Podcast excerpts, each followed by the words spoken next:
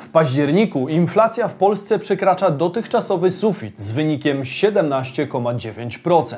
Co drożało najszybciej? Budowa elektrowni jądrowej w Polsce w końcu nabiera tempa. Jak się okazuje, do rządowych planów dołączają również prywatne inicjatywy. Kto zatem wraz z Koreańczykami zbuduje jedną z pierwszych elektrowni atomowych w Polsce? Elon Musk po przejęciu Twittera i zwolnieniu większości kadry zarządzającej spróbuje wprowadzić na platformę płatną subskrypcję. Na czym będzie ona polegać? Fed podwyższa stopy procentowe o 75 punktów bazowych, na czym chwilowo zyskał polski złoty, który powoli odrabiał straty do twardych walut. Z kolei USA blokuje rynek chińskich półprzewodników, sprawiając tamtejszej gospodarce nie lada kłopot. Dokąd zmierzał pieniądz w tym tygodniu? Sprawdźmy to.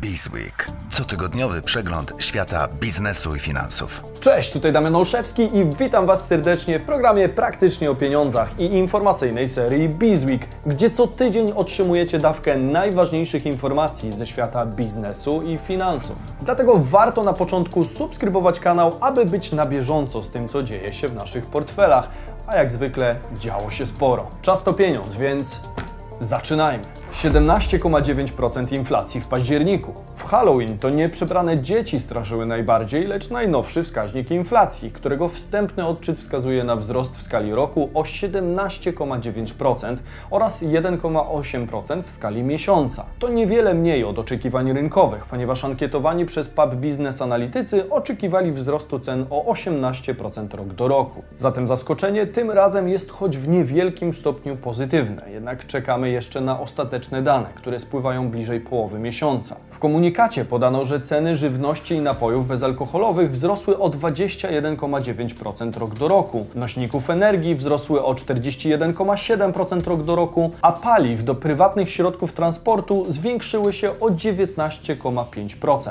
Jak wskazuje Ignacy Morawski z Pulsu Biznesu, Najważniejszy wniosek z danych o inflacji jest taki, że ona wciąż rośnie. Czy rośnie o 1 punkt, czy o 0,7 punkta, to przy takiej zmienności nie ma wielkiego znaczenia. Na razie prognozy dotyczące odwrócenia wzrostu inflacji opierają się wyłącznie na efektach wysokiej bazy z marca. Rosnąca w kraju inflacja doskwiera oczywiście nam wszystkim i póki co nie zanosi się na to, aby sytuacja miała wrócić do względnej normy.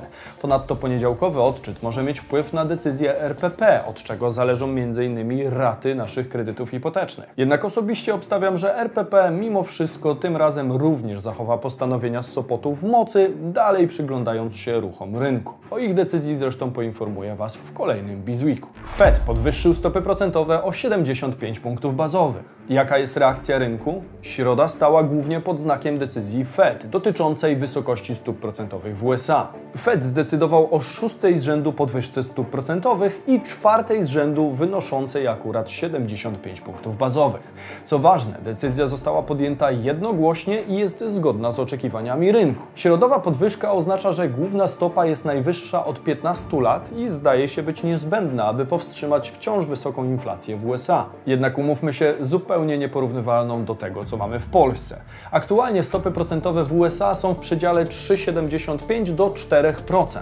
W komunikacie po posiedzeniu napisano, że FOMC postanowił podnieść docelowy zakres stopy funduszy federalnych do 3,75 do 4%. Komitet przewiduje, że dalsze podwyżki w przedziale docelowym będą właściwe dla osiągnięcia na tyle restrykcyjnego nastawienia polityki pieniężnej, aby z czasem przywrócić inflację do celu 2%. Ponadto komitet będzie kontynuował zmniejszanie posiadanych przez siebie papierów skarbowych i agencyjnych papierów dłużnych oraz agencyjnych papierów wartościowych zabezpieczonych hipoteką. Pytanie zatem, jak omawiana decyzja wpłynęła na rynek i jakie może nieść za sobą dalsze skutki. Zacznijmy od tego drugiego. Środowa decyzja Fed może być kierunkowskazem także dla innych banków centralnych, w tym m.in. dla reprezentantów RPP, którzy w poprzednim miesiącu wstrzymali się z podwyżką stóp procentowych pomimo wciąż rosnącej inflacji. Oprócz Polski podobnie mogą zareagować banki centralne państw naszego regionu, a także EBC, czyli Europejski Bank Centralny. Na wieść o decyzji Fedu dolar wyraźnie osłabł wobec euro, a także wobec złotego. Przez moment skala umocnienia złotego wobec dolara sięgnęła blisko 1% i poziomu 4,72 zł za dolara. Ponadto negatywnie zareagowały amerykańskie indeksy giełdowe, które również zanurkowały. Jaka jest dalsza perspektywa, jeżeli chodzi o amerykańskie stopy procentowe? W reakcji na omawianą podwyżkę rynek podwyższył do prawie 60% szacowane prawdopodobieństwo podwyżki stóp w grudniu o 50 punktów bazowych oraz obniżył do niespełna 35% prawdopodobieństwo podwyżki o 75 punktów bazowych. Płatny Twitter nadchodzi. Czy Elon Musk dokona rewolucji na platformie? Elon Musk w końcu doprowadził przejęcie Twittera do końca za kwotę 44 miliardów dolarów i od razu wprowadza nowe porządki. Jedną z pierwszych decyzji dotyczących funkcjonowania serwisu ma być płatna wersja aplikacji Twitter Blue. Miliarder ogłosił na swoim profilu, że duża zmiana będzie dotyczyła weryfikacji kont za pomocą tzw. Tak tika, czyli niebieskiego znacznika obok nazwy użytkownika, która potwierdza tożsamość piszącego. Podobne oznaczenia możemy już od jakiegoś czasu znaleźć również na YouTubie czy Instagramie. Jednak w przypadku Twittera ten rodzaj funkcjonalności ma kryć za sobą coś więcej. Od chwili wprowadzenia zmian niebieski znacznik będzie mógł być tylko dla kont, które będą płacić za niego abonament Twitter Blue.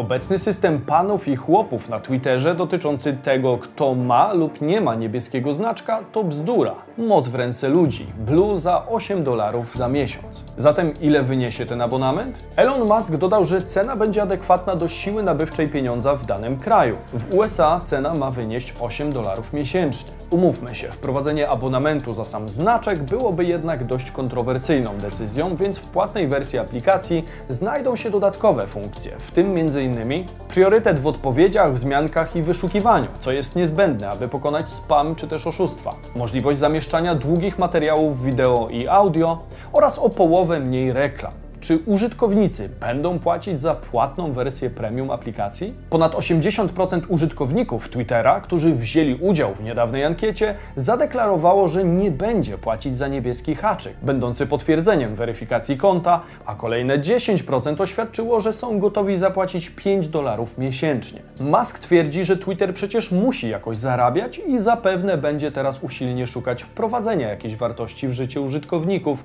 za którą ci zgodzą się w odpowiednim odpowiedniej skali zapłacić. Starania miliardera prędzej czy później mogą przynieść efekt, a w tej chwili Elon ewidentnie bada grunt. Już nieraz w poprzednich spółkach pokazywał jednak, że potrafi skutecznie pompować inwestorski balonik. Czas zweryfikuje, czy ten pomysł był trafny i jak wpłynie on na wyniki finansowe spółki, czy też wycenę jej akcji na giełdzie, którą zapewne warto teraz obserwować. USA blokuje półprzewodniki z Chin. Pozwoliłem sobie wrócić do tematu sprzed tygodnia, którego nie możemy przecież pominąć. Chodzi o relacje między USA a Chinami, które coraz bardziej się nam zaostrzają. Mowa tutaj przede wszystkim o wojnie technologicznej między tymi mocarstwami, w której wchodzimy, jak widać, na kolejny etap.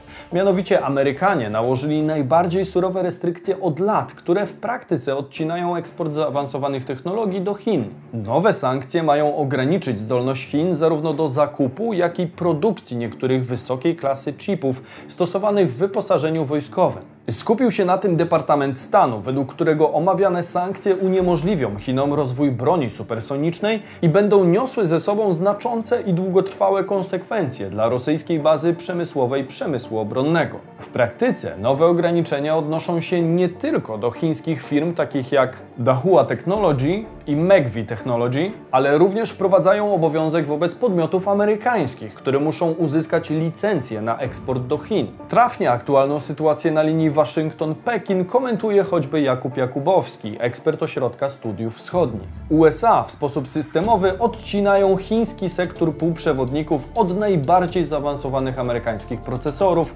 narzędzi ich projektowania, niezbędnego know-how i oprogramowania, a także od dostępu do amerykańskich i kształconych w USA specjalistów. Trzeba przyznać, że jest to niezwykle celny cios ze strony USA, ponieważ jak powszechnie wiadomo, rynek półprzewodników jest jednym z najistotniejszych segmentów światowej gospodarki. Do tego segment ten jest dość mocno scentralizowany właśnie w Azji. Z geopolitycznego punktu widzenia takie decyzje administracji amerykańskiej mogą powstrzymać dalszą ekspansję gospodarczą Chińczyków, co może mieć wpływ na kolejne przetasowania geopolityczne. Odpowiedź Pekinu w postaci bardziej śmiałego poparcia dla działań Rosji i Putina może jedynie ten konflikt zaognić i przybliżyć oba podmioty do siebie. Nie pozostało nic innego jak obserwować tego konsekwencje w postaci dalszych kroków odwetowych i prób obejścia sankcji przez chiński rząd, który obecnie będzie musiał się skupić skupić na pozycji obronnej. Zapora na granicy z obwodem kaliningradzkim. Mimo, że niedawno niemal cały świat żartował sobie z aneksji obwodu kaliningradzkiego do Czech,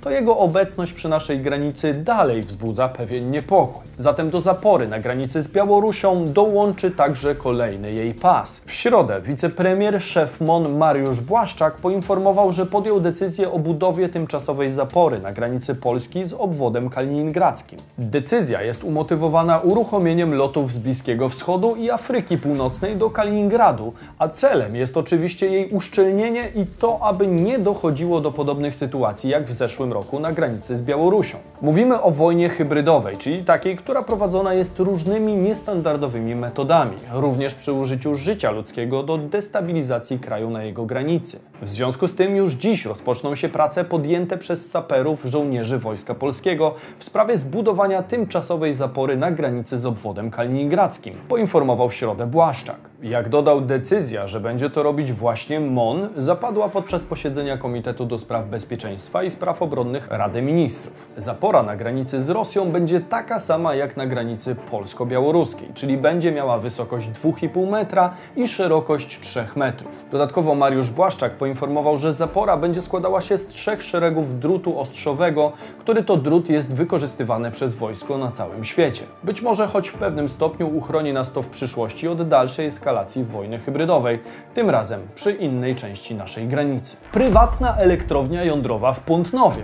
W poniedziałek, 31 października, doszło do podpisania listu intencyjnego dotyczącego planu rozwoju elektrowni jądrowej w Pątnowie. Podpisany list intencyjny jest zawartym porozumieniem w sprawie współpracy i poparcia dla projektu budowy elektrowni jądrowej w Pątnowie z użyciem technologii koreańskiej. Co ciekawe, jest to niezależny projekt od tego, który będzie realizowany z Amerykanami. O szczegółach wszystkich elektrowni jądrowych, jakie mają powstać niebawem w Polsce, nagrałem dla Was specjalny odcinek, który możecie zobaczyć tutaj. Planowanych jednostek i reaktorów jest coraz więcej i sytuacja robi się coraz bardziej zagmatwana dla przeciętnego obserwatora, więc warto zobaczyć ten film, aby rozwiać swoje wątpliwości.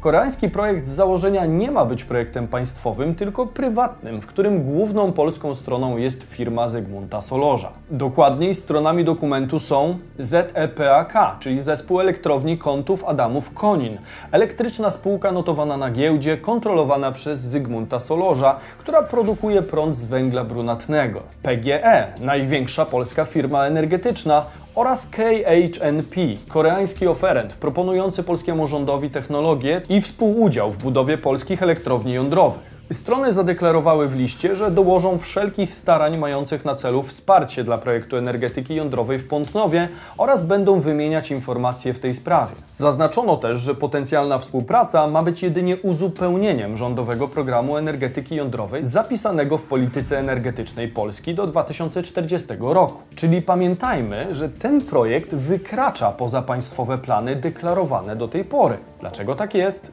Tego nie wiemy. Tak czy owak, większa liczba elektrowni, bez względu na to, jakie są powody ich powstania, z pewnością będzie lepsza od obecnej ich liczby, czyli okrągłego zera. W praktyce na początku zostanie opracowany plan rozwoju elektrowni jądrowej, wstępny budżet dla etapów oraz model finansowy projektu i jego harmonogram. Co ważne, wstępny plan rozwoju ma być gotowy jeszcze w tym roku. Będzie to kolejny etap rozwoju polskiej energetyki jądrowej, która jest kluczowa dla gospodarki i bezpieczeństwa energetycznego, zwłaszcza w obecnych czasach w kontekście geopolitycznym. Jeśli oglądaliście choćby ten odcinek, to powinniście wiedzieć, że atom jest jednym z najbardziej efektywnych sposobów na pozyskiwanie energii. Nie jest on oczywiście całkowicie niezależny od perturbacji geopolitycznych, bo również trzeba skądś dostarczyć surowiec do elektrowni, ale na pewno przyda nam się w pewnym stopniu zbilansować miks energetyczny kraju oparty głównie na węglu, którego jak widać może zabraknąć nawet w Polsce. Z ciekawości dajcie znać w komentarzu, co uważacie o rozwoju energetyki atomowej w Polsce. To dobry czy zły kierunek?